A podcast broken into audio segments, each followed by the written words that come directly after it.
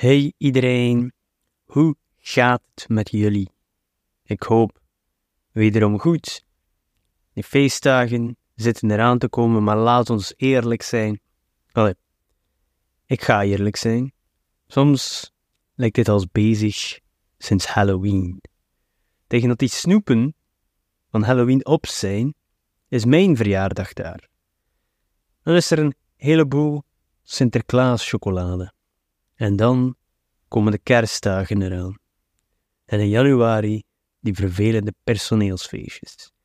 En nu ben ik misschien te veel aan het projecteren. Er, zijn blijkbaar mensen in de wereld die daar graag naartoe gaan. Voor mijn introverte persoonlijkheid ligt dat stukken moeilijker en zeker wanneer dat je nog eens nuchter probeert door het leven te gaan. Maar het gaat niet over personeelsfeestjes, maar over dat vele eten dat voor mij lijkt te beginnen aan Halloween. En ja, ik let zeker op mijn voeding, ook doorheen die maanden, maar we zeuren toch vaker en ik merk dat dit gevolgen heeft voor mijn gemoedstoestand en ook zelfs fysiek. Al die suiker en extra calorieën zorgen bij mij voor minder slapen, meer vermoeidheid, prikkelbaarheid. Als ik dat cheaten en zeuren lang genoeg voelt. En zeuren heeft hier meer ter betekenis. Ik... Ja, wacht, ik moet even... Ik denk dat dit iets West-Vlaams is, of toch Vlaams, want ik vermoed dat de Nederlandse luisteraars al verward zijn. Wat zit hij toch te zeuren? In de zin van mopperen of zaniken. Maar hier, toch zeker in West-Vlaanderen, zeggen we ook zeuren in de zin van vals spelen. Of in het geval van eten is het dan cheaten. Is, is er daar een Nederlands woord voor? Wordt zo vaak gebruikt in de fitnesswereld dat ik niet weet hoe je dit in gewone mensentaal zegt. Anywho, ik zeur dus, airquotes, cheat, als het op eten aankomt, en door dat lang genoeg vol te houden, begin ik echt te zeuren, te mopperen dus. Oké, nu dat we dit taal, uh, nu de taalbarrière doorbroken hebben en deze verwarring hebben opgelost, kan ik verder. Dus tegen, eigenlijk wil ik zeggen, tegen dat het kerstmis is, ben ik Ebenezer Scrooge. Of misschien is dat een uitvlucht en ben ik altijd de mopperkont. Dus ik wilde een week voor de officiële feestdagen nog eens praten over eten. En dan emotioneel eten. Want zelfs na vier jaar al mijn gewicht kwijt te spelen en af te houden, heb ik nog steeds last van die kerel. Hij blijft in me zitten, die emotionele eter. En zeker tijdens die koude dagen is het moeilijker om hem tegen te houden. Hij zoekt comfort in die suikerige snacks. Oké, dus let's talk about it. Laten we het eens hebben over wat emotioneel eten eigenlijk is. Weet je, soms eten we niet omdat we honger hebben, maar omdat we ons op een bepaalde manier voelen. Goesting noemen we dat uh, in het West-Vlaams.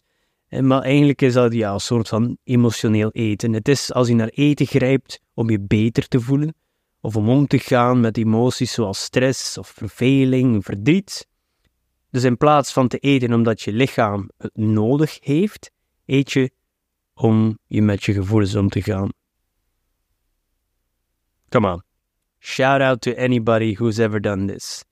Iedereen. Ik kan me niet voorstellen dat als je echt alleen maar strikt kan eten om ja, of je lichaam geven wat je nodig hebt. Chapeau. Way to go. Ik probeer het zoveel mogelijk te doen en het voelt ook beter. Maar af en toe eh, nemen die gevoelens het over en uh, dan komt de chocolade in de picture of de chips. Bijvoorbeeld, laten we een voorbeeld nemen. Als je een zware dag gehad hebt op je werk, je bent gestrest, je bent moe. Thuis pak je een grote zak chips niet omdat je honger hebt, maar omdat je even beter laat voelen. Of misschien verveel je op een zondagmiddag en ga je koekjes bakken. En dan eet je er een heleboel op. Hè. Meer voor de gezelligheid dan uit honger.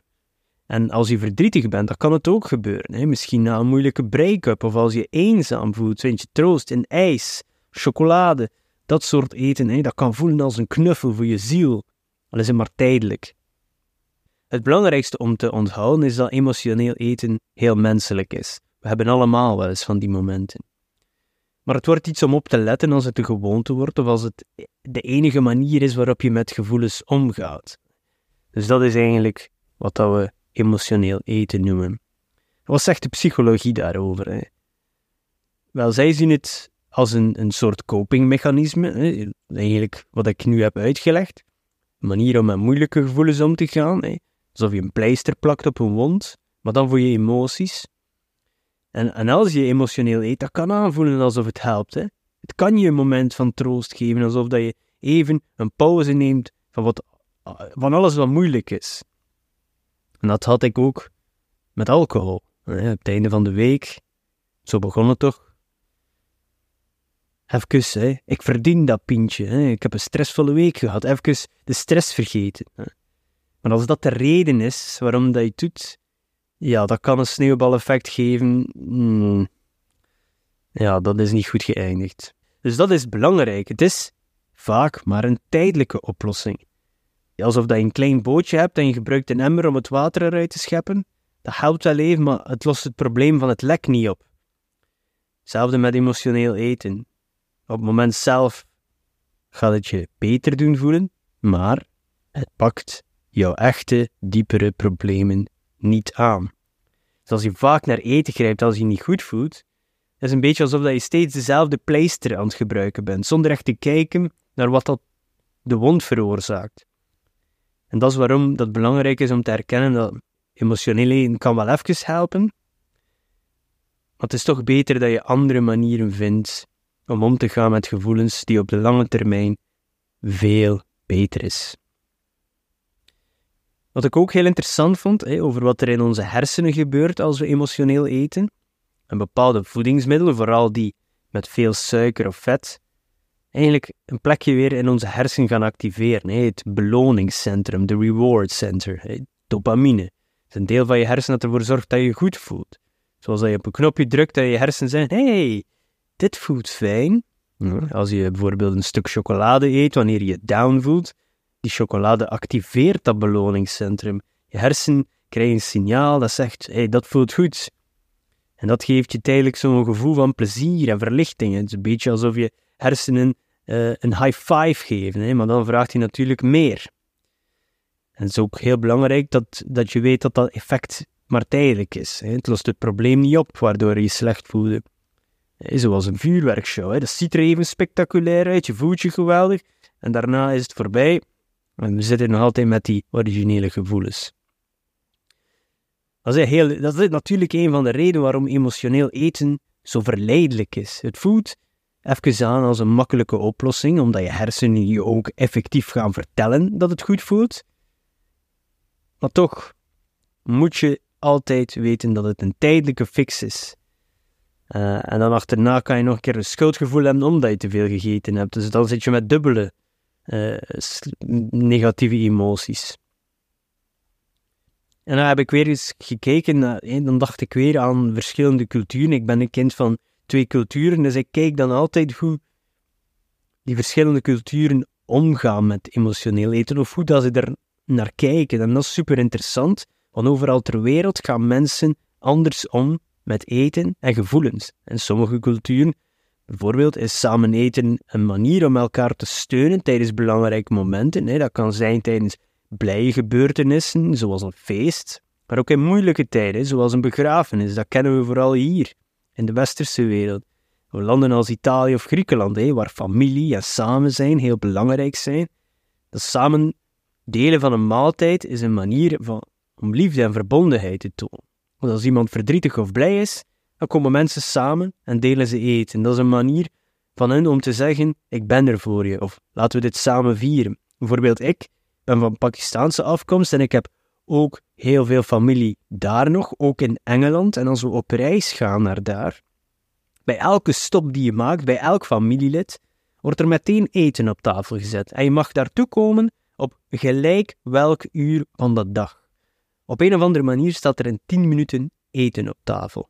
En weigeren is eigenlijk onbeleefd. En als je zo meerdere bezoekjes doet op een dag, ja, dan sta je buikje wel bol, moet ik zeggen. en in andere culturen kan dit weer heel anders zijn. In sommige plaatsen is het misschien niet zo gebruikelijk om emoties te delen door samen te eten. Daar kan het zijn dat mensen meer op zichzelf zijn met hun gevoelens, ook als het om eten gaat. Dus eh, het coole is dat over heel de wereld mensen eten en emoties op hun eigen unieke manier met elkaar toch verbinden. Of het nu gaat om samen eten om iets te vieren of iemand te steunen in een moeilijke tijd. Eten brengt ons toch op zoveel manier samen. Het laat ons ook allemaal zien hoe verschillend we zijn, maar ook hoeveel dat we gemeenschappelijk hebben als het gaat om eten en emoties. Voor mij, het eh, reizen naar andere landen, het eten is daar toch wel het grootste deel van, volgens mij. Ik krijg er al weer honger van als ik eraan denk. Oei. Dat was niet de bedoeling van deze podcast. Dus de culturen kijken niet alleen anders naar hoe we e- emotioneel eten, maar ook welk soort eten we kiezen als we emotioneel eten. En dat is echt fascinerend, hè? want wat mensen als comfortfood zien, kan enorm verschillen van de ene cultuur naar de andere. Bij ons in de Belgische cultuur, in de Vlaamse cultuur, kan dat zo uh, frietjes met stoofvlees zijn, of uh, warme aardappelpuree met uh, een worst en, en, en, saus of zo. In Amerika bijvoorbeeld, als mensen zich down voelen, grijpen ze misschien naar dingen als macaroni met kaas, ijs of pizza, hier ook trouwens. Dat zijn die bekende comfortfoods van ons. Maar als je naar Japan gaat, is het misschien een warme kom rijst met miso-soep of tempura die mensen troost biedt. En in India of Pakistan, daar kan comfortfood iets zijn als een hartige curry of zelfgemaakte samosas. Voor mij is dat allemaal goed. En in Mexico misschien vindt er iemand troost in een bord met smakelijke taco's, hè, of een, zo pittige tortillasoep. Dus dat laat echt zien hoe divers onze wereld is. Hè. En onze culturele achtergrond beïnvloedt niet alleen hoe we met emoties omgaan, maar ook wat we eten als we ons blij, verdrietig of gestrest voelen. Elk land, elke cultuur heeft zijn eigen speciale eten dat troost biedt. Elke cultuur heeft zijn eigen unieke knuffel in de vorm van eten. Het is niet alleen interessant om te kijken naar waarom we eten, maar ook naar wat we eten. En dat zegt heel veel over wie we zijn en ook waar we vandaan komen. Dat is toch ook belangrijk, zeker tijdens deze dagen, dat we daar een keer over praten. En natuurlijk, hoe kunnen we daarmee omgaan met emotioneel eten is uh, volgens mij super belangrijk omdat het ons helpt om niet in die val te trappen van eten om de verkeerde redenen. En, en, you know, als je mij al een tijdje volgt, dan weet je, mindfulness is voor mij heel belangrijk en we kunnen dat hier ook weer toepassen. Bewustzijn en mindfulness mag zweverig klinken, maar is eigenlijk heel simpel en super handig. Het gaat erom dat je echt oplet op wat je eet en waarom. Stel je voor, je voelt de drang om een hele zak chips leeg te eten. En mindfulness zou dan zijn dat je even stilstaat en jezelf vraagt: Heb ik echt honger? Of is er iets anders aan de hand? Het gaat erom dat je het verschil leert kennen tussen echt honger hebben en eten, omdat je bijvoorbeeld verveeld of verdrietig voelt. En dan heb je ook alternatieve copingmechanismen. Dat zijn gewoon andere manieren om met je gevoelens om te gaan die niet over eten gaan. Als je je voelt, plaats van naar de koelkast te lopen, wat ik heel vaak gedaan heb en soms nog doe, kan je iets anders doen dat je helpt ontspannen. Dat kan voor iedereen verschillend zijn. Ga lopen, ga wandelen, favoriete muziek opzetten, een hobby oppakken, zoals een boek. Gewoon diep ademhalen, mindfulness. Het idee is dat je andere manieren gaat vinden om met je emoties om te gaan. En dat helpt je om niet automatisch naar eten te grijpen wanneer je je niet goed voelt. En het mooie is altijd, hoe meer je dat oefent, hoe makkelijker het wordt. Hè? Dat is je brein trainen, als het ware. Op een gezondere manier omgaan met je gevoelens. En dat kan echt een wereld van verschil maken in hoe je voelt, hoe je met eten omgaat. Ook dat schuldgevoel gaat minder worden. Je gaat meer zelfvertrouwen krijgen daarin. Ik wil ook nog een disclaimer daaraan toevoegen. Zelfs met deze kennis en tools kan het nog misgaan. Hè? So don't beat yourself up. En dat is ook moeilijk, want ik vind mezelf vaak in die positie wanneer ik weer eens te veel gesnoept heb en mijn buik is opgeblazen en dat schuldgevoel komt weer op en dan probeer ik te zeggen, oké, you fucked up, maar morgen doen we beter. Meestal lukt dat wel en dat gevoel verdwijnt snel, maar tijdens de feestdagen van continu eten wordt dit moeilijk. En dat stapelt bij mij en dat wordt ook wel eens prikkelbaar. En waarschijnlijk heb ik dit vorig jaar ook vermeld. Dat is nog niet veranderd. Zo zie je maar dat er altijd ruimte is voor verbetering. We hebben het gehad over dingen die je zelf kunt doen om met emotioneel eten om te gaan, maar soms is het ook wel handig om extra hulp te krijgen. En dat is waar professionele hulp om de hoek komt kijken. Dat zeg ik heel veel, maar soms is het gewoon fijn om met iemand te praten die echt snapt wat er aan de hand is, die je professionele adviezen kan geven. Bijvoorbeeld een diëtist kan je helpen om te kijken naar jouw specifieke eetgewoonten en dan praktische tips geven hoe jij uh, gezonder kunt eten of daar uh, alternatieve versies van te maken van hetgeen dat je al graag eet. Hè, ze kun je dan helpen om een eetplan te maken die, die past bij jouw leven en bij jouw behoeften. En het mooie is uh, dat ze dan ook niet alleen kijken naar wat je eet, maar ook waarom je eet. dat vind ik heel belangrijk, die laatste. Voor, voor psychologen en therapeuten kunnen daar ook mee helpen, want die gaan dan diep in op de emotionele kant van het eten. Want soms eten we gewoon om redenen dat we zelf niet eens helemaal begrijpen. Een psycholoog kan dan helpen om die dingen uit te pluizen. Uh, die helpen je dan om beter te begrijpen waarom je eet. Als je verdrietig of gestrest voelt, en je een nieuwe manier naleren om met die gevoelens om te gaan. Dus als je merkt dat, dat je het moeilijk vindt om op eigen houtje met emotioneel eten om te gaan, het is oké om hulp te vragen. Er zijn mensen die getraind zijn om je te helpen en soms net dat duwtje in de rug te geven die je nodig hebt. ik heb dat al eens gezegd in die programma's waar mensen afvallen. Vind ik altijd wel tof om die reis te zien van mensen die overgewicht hebben, die dan echt serieus hun best doen om af te vallen. Maar in de programma's die ik gezien heb, misschien zijn er ook wel andere, uh, focussen ze veel op sporten en, voeding staat er nooit bij. En waarom ze veel eten. En zeker in die programma's, ken je die, uh, hoe noemt dat? My 600 Pound Life met die dokter. Die, die opereert de mensen, hè, dus een gastric bypass is dat waarschijnlijk. Uh, die programma's zijn vaak gewoon, oké, we gaan opereren, maar ik zeg dan altijd, ze opereren enkel de maag of, of de darmen, maar nooit de hersenen. Dus ze helpen nooit dat probleem aan te pakken die hun zover gebracht heeft. Dus daar vind ik het wel belangrijk dat we, dan, dat we ook snappen waarom we dat doen en dan kunnen we pas onze handelingen gaan aanpassen in de toekomst. Anders blijven we gewoon hetzelfde leven. Uh, dat denk ik toch. Maar, lieve luisteraars, we zijn opnieuw aan het einde gekomen uh, van een aflevering. Deze keer over emotioneel eten, een onderwerp die mij, net als velen van jullie, heel persoonlijk raakt. Uh, jullie weten dat ik een lange reis achter de rug heb met gewichtsverlies. En ondanks het succes zijn er momenten waarop ik blijf worstelen met dat emotioneel eten. Ik weet hoe moeilijk het is en hoe moeilijk het kan zijn, vooral in die samenleving waar zoveel nadruk ligt op eten en feesten. En waar onze emoties en eetgewoonten zo nauw verweven zijn. Zo, ik wil jullie altijd meegeven, het is oké. Je bent niet alleen in deze strijd, hè. je voert het niet alleen. En het is ook oké om niet perfect te zijn, hè. wat dat, dat ook mag betekenen. Vooral niet tijdens deze feestdagen. We zijn allemaal menselijk.